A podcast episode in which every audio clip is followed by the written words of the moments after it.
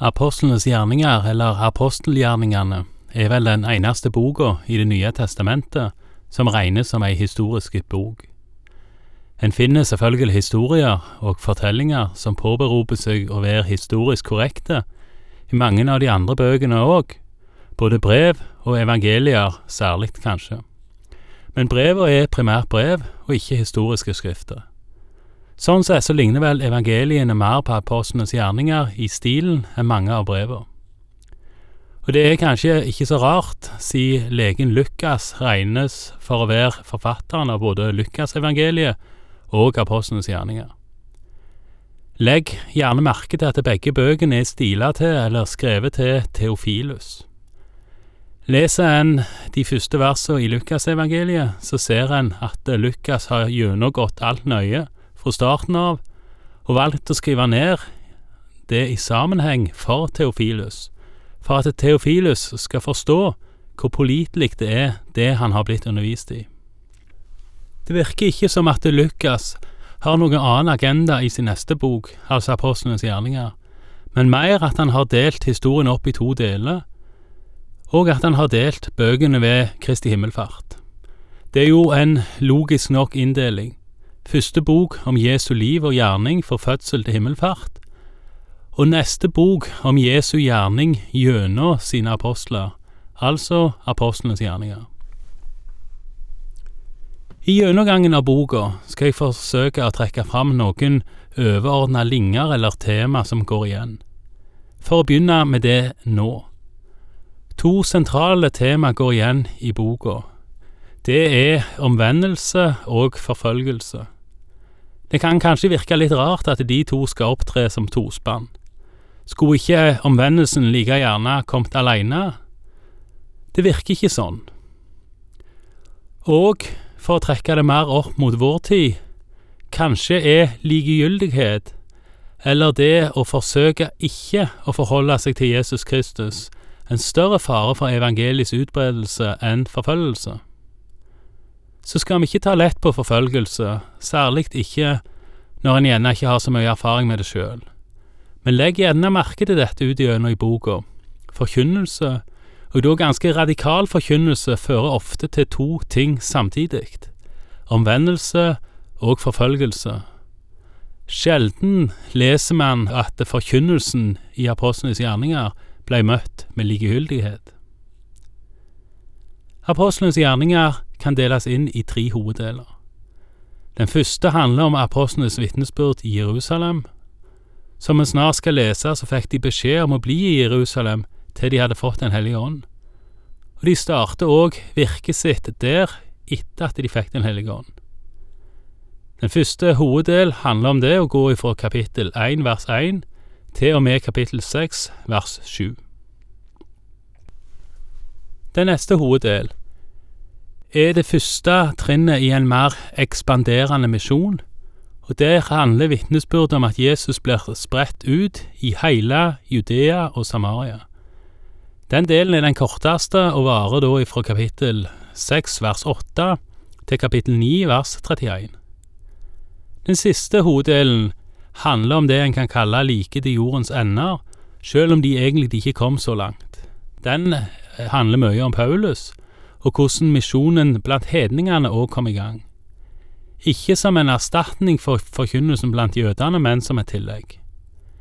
Denne boka varer fra kapittel 9 vers 32 og ut boka, som vil si kapittel 28 vers 31. Boka slutter med at Paulus er i fangenskap i Roma, men forteller at han forkynner ganske fritt. Det nevnes ikke eh, bybrannen i Roma, som var i ca. år 64 etter Kristus, eller Jerusalems fall i ca. 70. Boka er derfor trolig avslutta før 64, og legger vi til grunn at Jesus døde og sto opp ca. år 30, så er altså da tidsspennet for boka ifra 30 til 64, eller ca. 30 til 35 år. Men boka starter altså med at Jesus eh, sin direkte gjerning på jord er ferdige, og at han løftes opp til himmelen 40 dager etter oppstandelsen. Vi leser ifra Apostlenes gjerninger, kapittel 1, vers 1. I min første bok, Gode Theofilus, skrev jeg om alt det Jesus gjorde og lærte, fra han begynte, og helt til den dagen han ble tatt opp til himmelen. Da hadde han ved Den hellige ånd gitt sine befalinger til de apostler han hadde utvalgt. Etter å ha lidd døden sto han levende fram for dem med mange klare bevis på at han levde. I 40 dager viste han seg for dem og talte om det som hører Guds rike til. En gang han spiste sammen med dem, påla han dem dette.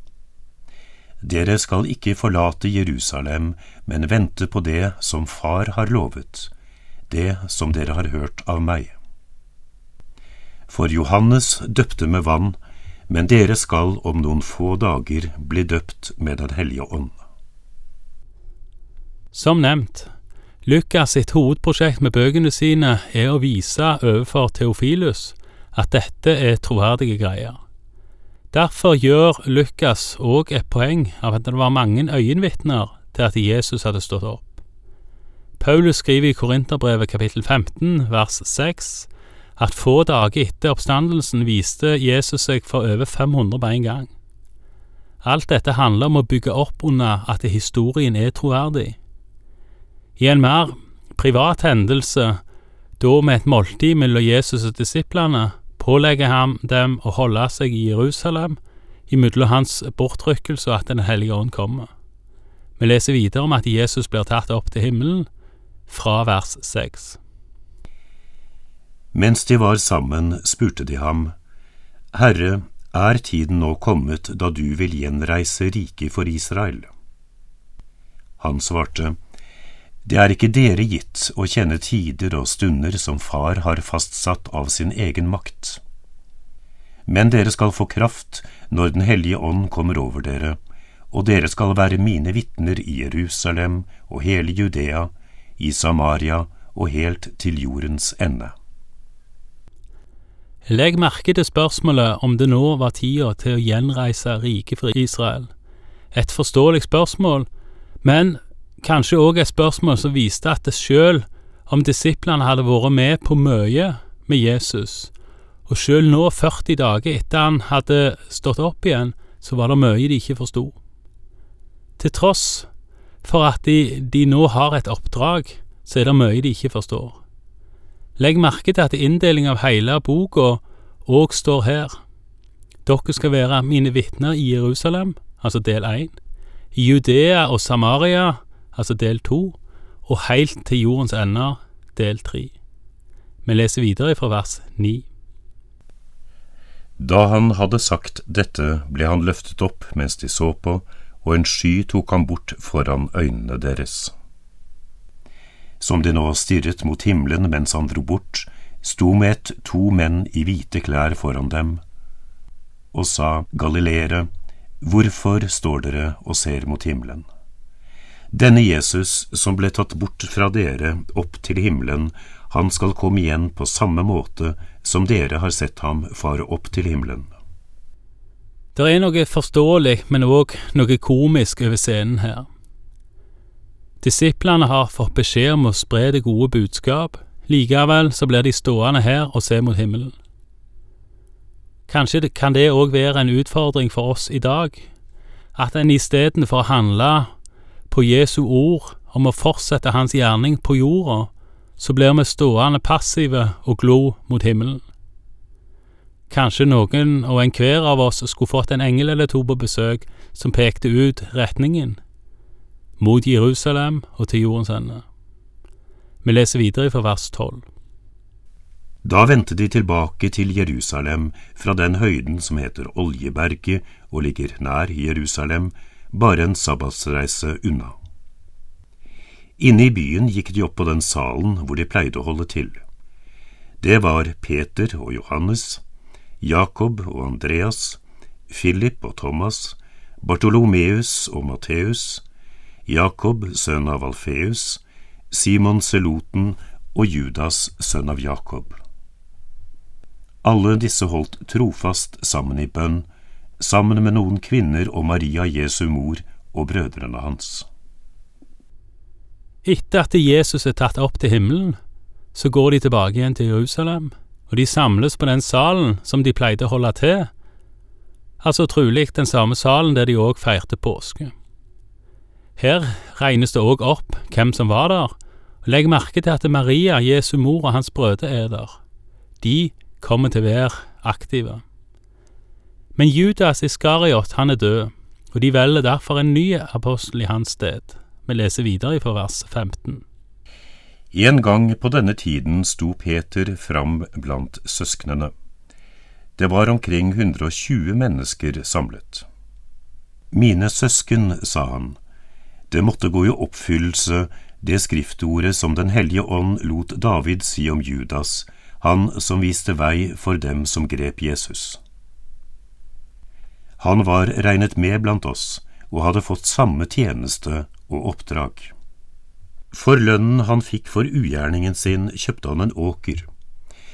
Men han falt hodestups så buken revnet og alle innvollene veltet ut. Alle som bor i Jerusalem fikk vite om dette. På sitt eget språk kalte de derfor åkeren Hakeldama, det betyr blodåkeren. For det står skrevet i Salmenes bok, La bostedet hans ligge øde, la ingen bo der, og la en annen overta hans oppdrag. Noen menn var sammen med oss hele den tiden Herren Jesus gikk inn og ut blant oss. Helt fra begynnelsen, da han ble døpt av Johannes, og til den dagen han ble tatt fra oss opp til himmelen. Nå må en av disse sammen med oss være vitne om at han er stått opp. Det fortelles to historier om hva Judas gjorde med pengene han fikk for å forråde Jesus. I Matteus 27 framkommer det at Judas angra, og da han forsøkte å gi pengene tilbake igjen. Men da prestene ikke ville ha blodpengene, kasta Judas de inn i tempelet og gikk og hang seg. Deretter kjøpte øverstepresteren pottemakerens åker for dem og brukte den som gravplass, og den blei kalt Blodåkeren. Her forteller Peter en annen historie, men hovedpoenget er det samme. Judas betalte med livet for å forråde Jesus, og nå skal de velge en ny disippel, en som har vært med Jesus ifra starten, altså ifra han starta sitt offentlige virke med å bli døpt av Johannes og helt fram til himmelfarten. Vi leser videre fra vers 23. Og de stilte fram to. Josef, som ble kalt Barsabbas med tilnavnet Justus, og Mattias. Så ba de, Herre, du som kjenner alles hjerter, vis oss hvem av disse to du har utvalgt, til å ta plassen etter Judas og overta den aposteltjenesten som han forlot da han gikk til sitt eget sted. De kastet lodd mellom dem, og loddet falt på Mattias. Fra nå av ble han regnet som apostel sammen med de elleve. Med bønn og loddtrekning velges Mattias som ny apostel eller ny disippel, og med tolv apostler klar avsluttes første kapittel i apostelens gjerninger. Neste kapittel handler om pinsedag. Mer om det seinere. Takk for i dag, og Herren være med deg.